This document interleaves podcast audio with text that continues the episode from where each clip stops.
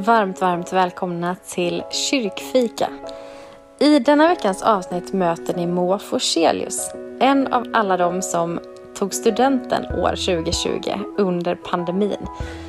Hur var det? Det kommer vi att prata om, men vi kommer också att prata om sången och musiken som redskap för att få uttrycka känslor och tro och vad lovsången har för funktion. Men så kommer vi också att beröra det som just nu har drabbat Moa och hennes familj. I höstas fick nämligen hennes mamma besked om att hon har leukemi och i just detta nu genomgår hon behandlingar. Moa kommer att dela hur det har påverkat henne och familjen och att tala om tro och Gud i en situation när man knappt ens vet vad man tror eller vad man orkar tro. Det kommer vi att prata om. Så var med i detta.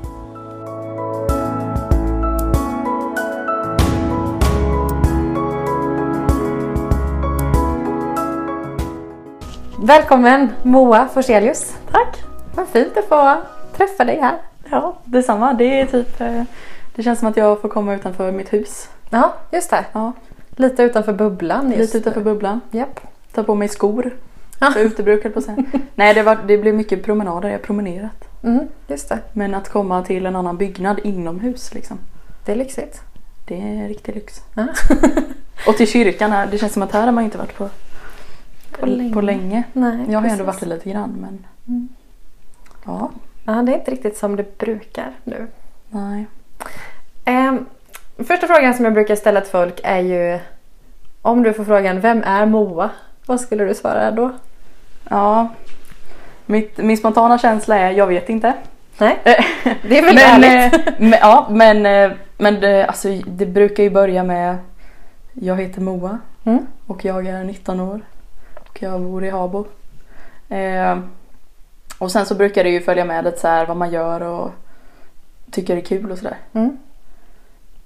Vad är det då? Och, eh, vad jag, alltså just nu jobbar jag inom hemtjänsten. Eller rättare sagt just nu så jobbar jag inte men det är där mitt jobb är på Mm. något vis.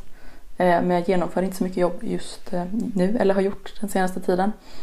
Eh, men det är liksom där jag har min utgångspunkt nu och inte i gymnasiet eller något sånt där. Just det.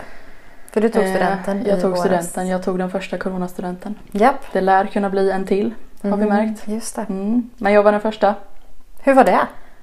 Jag hade, alltså för mig, jag tror, jag tror så här. Först när corona kom till Sverige, då var jag den som var så här, men lägg av, sluta oroa dig, det kommer inte liksom så här, det kommer inte förstöra vår student, det är om två månader, chilla ner lite liksom. Ta det lugnt, det är väl så här ett tag och sen så försvinner det. Mm. Ja, det är så vart det ju inte. Just det, ett Och så år ju senare. närmare man kom, liksom- ja men verkligen ett år senare. eh, men jag tror att jag var nog ganska Det var väldigt många fler som tyckte att det var mycket mer jobbigt än vad jag gjorde.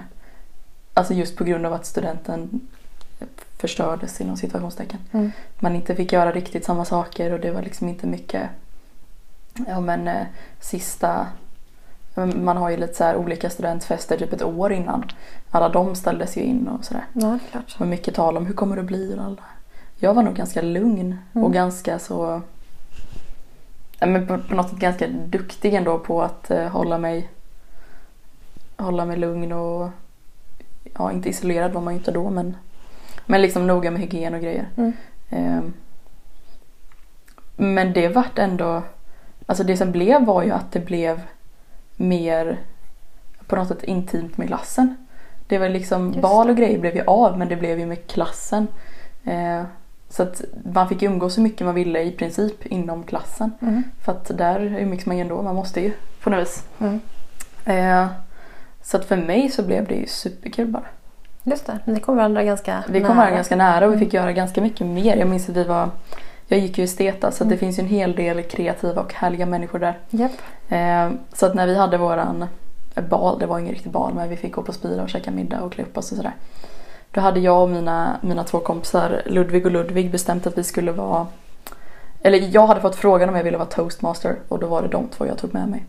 Och vi är ju en, eh, får man säga en drömtrio. Ja, får man. Ja, jag, Det, ja. det är din eh, podd. Det, det, nu, idag är det min podd, Yes. då säger jag att vi är en drömtrio. Underbart. För vi hade, vi hade sjukt kul. Vi skrev liksom, eh, ja men vi roastade folk i klassen på ett, ändå på ett fint sätt. Och de visste att vi kunde roasta och vi hade massa internskämt och vi skrev ett eh, ABBA-medley som vi öppnade hela balen med och ingen av våra klasskompisar hade någon Underbart. aning. Och så, så vi hängde ju mycket och så här för att fixa det då inför det sista Mm. och stod hemma hos oss och, och dansade runt i köket så kom mamma och pappa hem efter jobbet och bara hej vad kul att ni är här idag igen. Vill ni ha pizza igen? Just Ja men lite sådär.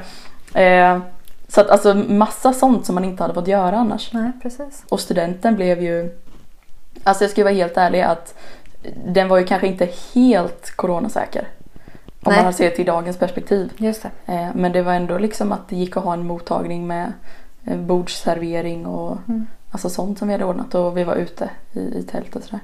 Men det var ju ändå liksom, hade man sett till hur det är idag så hade det ju liksom inte varit riktigt Nej, precis. så Idag kanske det inte hade gått att genomföra Nej det. exakt men, nej. men då var det ändå att det gick att genomföra. Mm. Eh, så jag hade, alltså jag hade en svinkul student. Vad gött. Ja. Mm. Och så drog vi ut där någonstans mitt på natten till en, en, eh, en gammal lada typ. Som vi hade pintat upp och dragit ut PA till och hade karaoke och grejer. Kolla på solnedgången och... Låter ändå som att ni Alltså jag hade ju svinkul. det. Ja. Så att eh, folk frågar ju mycket så här, hur var studenten nu eller hur var sista? Nej jag hade, jag hade superkul den tiden. Mm. Även om det var liksom ganska Ja men det var ju annorlunda och lite märkligt hela situationen i samhället men just studenten minns jag som, som väldigt väldigt rolig. Just det. Det är ju skönt. Det är skönt. Mm. Eh, Du har sagt att du gick estet. Mm. Jag tänker att dans och musik är en stor del av ditt liv. Ja, eh, kanske inte så mycket dans på scen numera Nej, just det. eh, men mycket dans i köket Mm. och mycket sång generellt. Eh, Har det alltid varit så? Ja, men det tror jag. Det, det tror jag nog ändå att det har legat varmt om hjärtat. Mm. Jag har någon gammal video på när jag sitter i, i trappen hemma och pappa så ska smygfilma när jag sitter och sjunger. Och så upptäcker jag honom och ger honom världens sura min och bara du får inte filma mig när jag sjunger. Som en liten treåring säger. Men så att ja, sen, sen då så har jag väl bara fortsatt att Mm. sjunga tror jag. Det är ganska kul, man behöver inte vara så duktig på att sjunga för att det ska vara kul liksom. Nej. Men jag tänker att du är väldigt duktig på att sjunga. Ja, ja kanske allt är ju Kan jag säga i relativt men, eh, men det är ju kul liksom. Ja. Vad, vad betyder liksom sången för dig?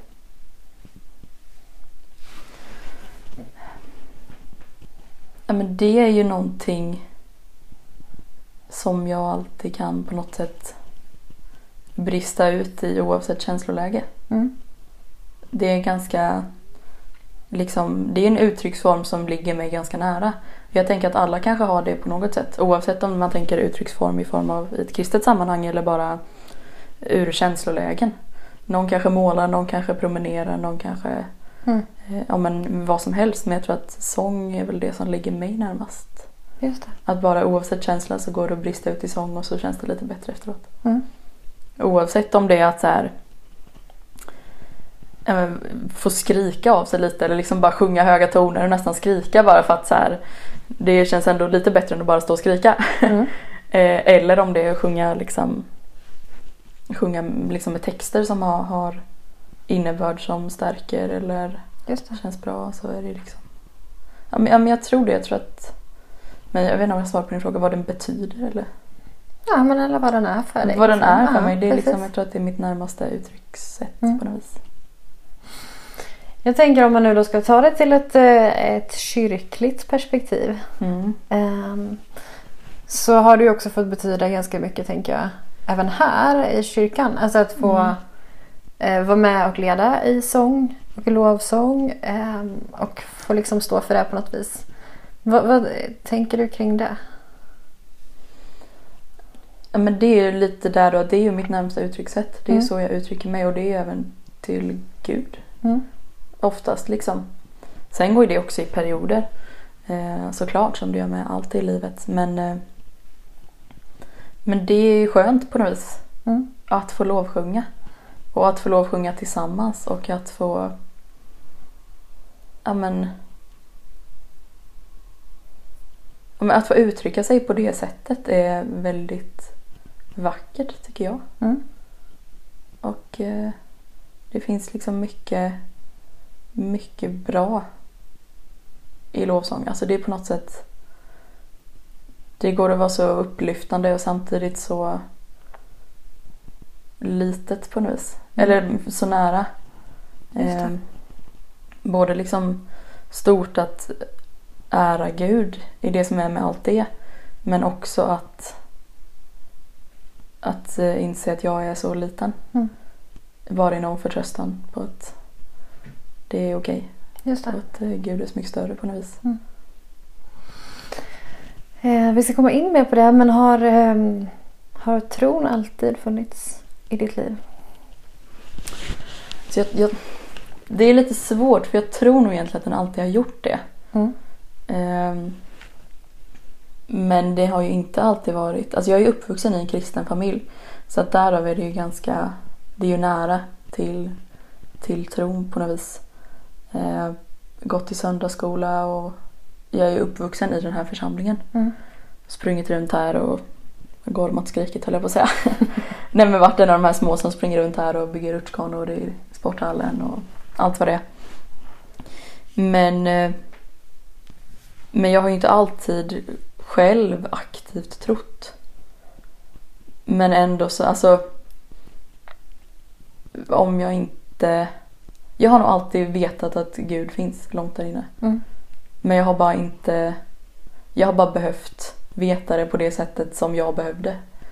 Det makes ingen sense kände nu när jag sa det. Eh, men jag och pappa satt och pratade häromdagen och om det här med när man tvivlar. Mm. Eller liksom bara vem är det man tvivlar till på något vis. Just det. Ja, det kanske inte heller makes så mycket sens men jag har ju inte alltid kallat mig kristen kanske. Mm. Och jag har nog inte alltid eh,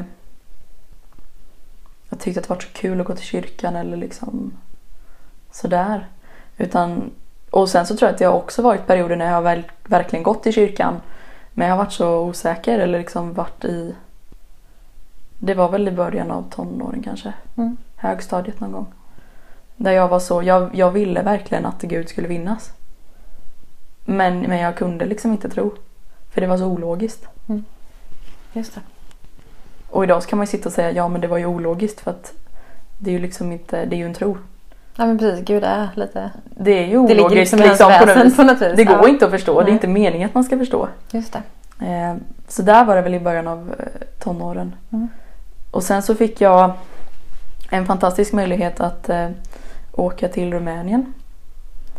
Och eh, under den här liksom början av eh, sommaren, våren, sommaren så bad jag jättemycket för att jag... eh, För det jag liksom tänkte att jag behövde och trodde att jag behövde det var att jag behövde något stort tecken. Jag behövde liksom att jag skulle säga till ett träd att välta och så välter det så fattar jag att ah, det är Gud. Just det. Alltså fattar du? Något typ sånt den där där. eldskriften. Exakt. Ja, fattar.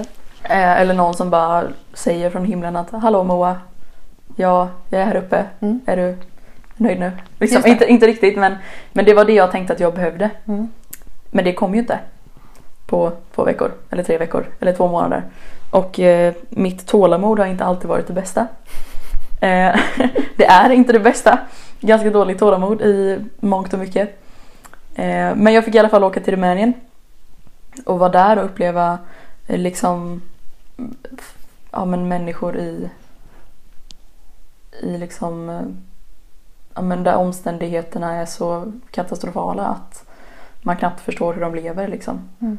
Ehm, Och också brottas med tro där nere i form av liksom man möter andra kulturer och ja, men får dela på det sättet. Ehm, Men när jag satt, när vi var på väg hem och då hade jag liksom alla de här upplevelserna i bagaget. Satt vi på flygplatsen och de flesta sov. Det var typ fyra på morgonen. Men jag kunde inte sova så att jag tog upp min bibel. Och jag fick en konfabibel som hade lite så extra sidor på slutet. Mm. Som inte tillhör bibeln utan som är typ så här vad folk säger om bibeln eller liksom lite hjälp typ. Ehm. Och där så bara slog jag upp en sida. Och så stod det ett citat från någon som var ungefär att eh, Gud är inte någon du kan förstå dig på för har du förstått det så har du ju misslyckats. Mm. Och där någonstans så släppte det både spärren i mitt huvud men också så, det är nog den gången jag känt, känt i min liksom kropp att Gud verkligen finns. Mm. För det var det som att det var liksom som en, någon som kom med en varm filt över mitt hjärta och bara kram, krama om det liksom. Fantastiskt. Ja. Så den upplevelsen har liksom på något sätt fått ligga till grund för min aktiva tro kan man Mm, säga. just det. Även om det inte var i den stunden som jag bara, ah, nu är allting klart och nu fattar jag och allting kommer. Det var ju en process liksom. Men ändå Men ett sånt var avgörande Ja, verkligen. Liksom. Men även innan det, det är liksom så här, vem var jag bad till att få träffa Gud? Mm. Liksom. Någonstans har det ju alltid funnits på något vis. Just det. Även om jag inte aktivt har varken förstått det eller liksom eh, tagit det till mitt hjärta på något vis. Utan Mm. Det var den händelsen som liksom har legat till grund till att Ja men det är lite vad jag tänker som ett giftermål är att nu bestämmer du och jag att nu gör vi det här. No turning back liksom. Mm. Absolut. Det var, det var lite den, den dagen. Och sen så är det ju upp och ner. Mm. Om man tror mindre eller man tror mer eller vad som helst. Men det var som att från den dagen så var det att ja, nu, är det, nu finns det ingen återvändo här. Mm. Nu har jag fått mitt tecken. Just det. Nu kan jag inte... Precis. Och sen så är jag väl sån som tänker och analyserar allt. Så att I veckor efter så tänkte jag ju det där kan inte vara på riktigt. Jag måste ha inbillat mig. Men det är nog kanske ganska, ganska naturligt att göra det ändå. Ganska mänskligt. Ja, ganska jag. mänskligt att Mm. ändå inte vara helt övertygad. Ja, men Men det har någonstans fått landa i mig och är den upplevelsen som har fått betyda mest kan man säga. Mm. Som var den liksom som fick Ja men som fick, eh, som jag lite fick bygga min tro på. Mm. Som vuxen och inte som någon från söndagsskolan liksom som går i sina föräldrars fotspår bara. Nej. Utan för mig så har det varit det liksom aktiva valet kan man Mm. säga. Ehm, jag tänker att vi ska komma in lite på det som ni står i nu. Mm. Ehm, för den här hösten har ju inte riktigt varit som någon hade önskat i er familj framförallt. Nej. Vill du säga vad det var som hände? Ja, det är nog många, många som vet men eh, i september, slutet av september, början av oktober så fick eh, min mamma cancer. Mm. Hon fick leukemi. Väldigt eh, chockartat. Det gick väldigt, väldigt snabbt. Och det var ingen som trodde att hon, hon hade det. Eh, förrän eh, min pappa då som är, som är läkare sa att men, mamma hade varit väldigt, väldigt trött och orkeslös och hon, under två veckors tid egentligen så det är ju väldigt, väldigt snabbt Mm. att den försämringen hade kommit. Men pappa då som är läkare sa att ja, men vi skickar in dig och så får de väl ta lite prover och sådär. Men det var inget mer med det. Eh, han misstänkte någonting helt annat men det de kom fram till var att hon hade leukemi. Och Mm. eh, blev isolerad på ett rum och sen så var det jaha. Okej, Just det. eh, vad hände där? Ja. Och eh, lite paniken i att för först när hon, hon ringde och berättade det från sjukhuset till oss, då var vi samlade hela familjen. Och pappa hade fått vara på sjukhuset med henne när de berättade det här. Mm. Ehm, och han hade varit där ganska länge innan han kom till, till min bror då eh, som vi slöt upp hos. Och någonstans där så fattade jag ju att det, det tar ju lång tid för, Mm. att, för att något är fel. Just det. Och det är därför vi är här och det är allihop. därför vi är här allihop. Mm. Eh, så när hon ringde och berättade det då då tänkte jag ju liksom Först så tänker man ju att vi har inte fått någon deadline. Det är inte när hon sex månader kvar att leva. Det är nu har hon liksom ett år eller vi vet inte hur länge. Och så insåg jag att nej, vi kanske inte ens har två veckor. Mm. Alltså vi har inte fått någon deadline för att vi har ingen aning. Just Alltså- det. det kan vara både positivt och negativt. Exakt. Det Mm. behöver liksom inte vara... Det kan vara så akut att det är liksom imorgon. Mm. Alltså man, man fattar ju inte riktigt. Eh, men så det har påverkat min höst väldigt mycket. Mm. Eh, med cellgiftsbehandlingar och in och ut från sjukhus. Och ganska, hon har en ganska allvarlig form av leukemi. Så att just nu så genomgår hon en stamcellstransplantation. Mm. Eh, som är väldigt eh, tuff. Tuff behandling. Eh, jättetuff. Men eh, med syftet att hon ska bli helt frisk. Eh, på något vis. Mm. Men det är ju det är ju så skumt för att man blir så infektionskänslig av Mm. de här behandlingarna. Och så i coronatider liksom. Så att jag och eh, eh, min pappa då som bor i samma hushåll, vi har ju fått vara lite isolerade och inte jobba och allt. Umgås väldigt mycket. Och... Umgås väldigt mycket med varandra, vare sig vi vill eller inte. Precis. Man tänker ju att i en sån här situation då ska man verkligen förstå vad verkligen vad livet handlar om och det handlar om varandra och man ska ta vara på varje sekund. Och sen så när man är i den situationen och bor med varandra 24-7 och det, Ja. jag har inget emot mina föräldrar, jag har snarare en väldigt bra relation med mina föräldrar. Men eh, alltså någonstans så finns det ju sidor hos varandra som man till slut inte tål. Ja. Och man går Absolut. varandra på nerverna. Mm. Och även i den här liksom bara spända situationen som är med mycket känslor och Mm. ja, men, så här, oavsett om man är medveten om känslorna eller inte så är det ju en väldigt spänd situation. Så då tänker man att allt ska vara frid och fröjd och nu ska vi vara glada hela tiden men alltså det är ju påfrestande att bara bo med sina föräldrar. Ja. Ja men verkligen. Alltså- och det funkar ju att vi kanske lever en dag som att vi ska ta vara på varenda stund vi har. Exakt. Men, Men en sen så i, när är man ska hitta en vardag när man ska ta Mm. hänsyn till varandra och, och liksom ja. Så det har varit tufft på alla möjliga sätt. Mm. Och det är nästan, höll jag på att säga skäms mig över att säga, det gör jag inte men Men man tänker kanske som, ut, ja, som man inte har gått igenom det själv att Att det är inte det som är jobbigt. Att Nej, bo det. med varandra Mm. i en månad och Mm. inte få träffa någon och inte få eh, ja, men knappt gå utanför dörren eller liksom sådär. Det, det fattar man ju för nu är det ju så nära döden så att nu är man ju så Just det. liksom nu tar man vara på varje dag och lever i nuet men alltså det är omöjligt att göra. Men och det är väl liksom. det som också är en del utav spänningen tänker jag. Att man Exakt. tänker att man borde ta vara på varje dag och ändå ska man få en vardag att funka. Mm. Mm. Och någonstans det här... Alltså jag tror lite, jag har i alla fall känt lite, vi har alltid sagt att vi ska vara öppna och ärliga med varandra. Vad vi känner i det här och säga att Ja men mamma just nu orkar inte jag prata om din cancer, kan vi prata om något annat liksom. Mm. Att vara helt öppen och ärlig och säga det. Men någonstans så hinner jag tänka att Tänk om det inte finns imorgon. Vill jag då känna att jag idag valde att bara kapsla in mig och vara på mitt rum för att jag inte orkar med mina föräldrar liksom. Mm. Den balansgången är ganska, är ganska svår. Mm, verkligen. Att känna sig liksom Kan jag ta det här beslutet och vara nöjd imorgon Mm. oavsett vad som händer liksom. Eh, men det Nu känns det ändå ganska liksom bra. Mm. Eh, man har fått landa lite, man vet vad som kommer den närmsta månaden och mamma är, är på sjukhuset där hon har liksom personal dygnet runt och Mm. sådär. Och det blir väl förhoppningsvis att man kan komma tillbaka och jobba lite är väl planen. Få en, en vardag som ser lite mer ut som alla andras i Mm. alla fall. Just det. Och som den gjorde innan mamma blev sjuk kanske Ja, framförallt. precis. Hitta någon form av normalitet liksom, Mm. i tillvaron. Vad... ehm, och det här är ju väldigt öppet om du vill svara på eller inte men ehm, vad gör, gör det liksom med dig? Alltså jag tänker att det är så lätt att fokusera på din mamma. Mm. Men vad gör det med dig att som ändå leva liksom med en, en förälder som någonstans Mm. inte riktigt kan vara den där föräldern som man kanske hade önskat just nu? Mm. Alltså jag tror nog att det är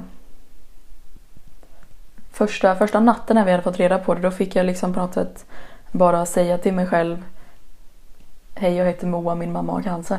Mm. Alltså lite som jag tänker att man kanske gör på, på möten med kanske A eller liksom Just det. Alltså lite sådär som man har sett på TV att man Mm. säger Hej jag heter Moa, min mamma har cancer. Bara för att få identifiera mig med Det är en del av den jag är Mm. nu. Och Precis. kommer alltid att vara. Mm. Eh, och det är klart att det kanske inte ser ut för mig som det gör för alla 19-åringar. Men någonstans så är jag ja, men jag känner nog att det kunde också varit värre. Absolut. Så är det ju med. Och det är liksom, det är klart att det värsta som kan hända för mig nu det är ju, ja men det värsta som är just nu är ju att mamma är sjuk. Mm. Men någonstans känner jag att det kunde också varit värre. Mm. Att jag måste liksom, ja men att jag måste vara den som tvättar mammas kläder och inte hon som tvättar mina. Det är liksom, det kunde också varit mycket värre. Mm. Men det är klart att det är, det är en påfrestning och det är en Ja men det blir nog också en en fysisk ansträngning mer än kanske vad mina syskon hade i 19 års ålder eller sådär. Mm. Precis. Att nu är, nu är liksom jag mm, liksom är den som tar ansvar för, Mm. för mat och städ och allting i en större utsträckning för att det behöver vara Mm. rent hemma när mamma är hemma. Det behöver liksom finnas mat som är näringsrik och, och liksom fylld med massa liksom kalorier för att mamma ska, ska tjocka på sig som jag sagt Ja, nu när hon har varit hemma lite grann. Sagt du ska tjocka på det rejält nu. Mm. Eh, men jag tror nog att jag tror nog att jag, jag finner mig bara i det. Mm. Någonstans. Innan, jag frågade dig redan innan din mamma fick det här sjukdomsbeskedet om du ville vara med i den här Mm. podden. Och då svarade jag väldigt snabbt. Då svarade jag väldigt snabbt. Ja precis och sen så har du fått frågan igen lite mer Mm. eh, tveksamt kanske men Det var ju inte riktigt läge då. nej Vi, precis. jag hade svarat ja Japp. och sen ganska direkt så därefter vecka, så, så var det inte riktigt Nej. läge längre.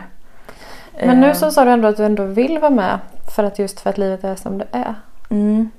Jag tänkte nu när jag fick frågan då sa jag kan jag bara få tänka lite på det så får vi, får vi se och då kände jag nog när jag satt i min vrå och grubblade att för jag var lite rädd för att vad har jag att säga nu? Mm. Vad har jag att bidra med? Jag känner inte att jag är så särskilt engagerad i min relation med Gud. Jag känner inte att jag har liksom världens lines att slänga ut med eller liksom så här som är väldigt upplyftande för andra att höra kanske eller jag känner kanske inte att jag är eller jag kände inte att jag var någon förebild i tro. Vad har jag att säga som är Mm. liksom styrkande? Det kändes som att jag skulle behöva gå hit och prestera på något vis. Just det. Och då tänkte jag att det är ju precis varför jag ska göra det. För jag vill ju inte bidra till att vi har en församling dit man kommer och man är glad och trevlig och sminkar sig till gudstjänsten på söndagen. Mm. Jag vill ju vara den som bidrar till, och jag, men det tror jag inte att någon vill. Nej. Liksom, det, det är jag ganska säker på att det är ju ingen som vill. Och det pratar man ofta om att man får komma precis som man är. Mm. Men Men någonstans så finns det ju en vågar- social spärr. Mm. Att man gör ju inte det. Nej. Även fast man får så liksom gör man inte det. Och jag tänkte att det är ju precis därför jag ska göra det här. För att det, jag är mitt uppe i något. Mm. Och jag har liksom egentligen men jag tänker att det är ofta man får höra sånt här efteråt. När man har fått landa i det och fokusera om lite granna och ja, man har fått reflektera över det som har hänt. Men någonstans kan det kanske vara skönt att höra någon som är mitt uppe i det. Mm. Som har en morgondag och en gårdag och veckor åt båda håll liksom. Just det. Och får bara, Igår var en bra dag men imorgon kan bli en kaotisk dag och det vet man inte innan. ja. Mm.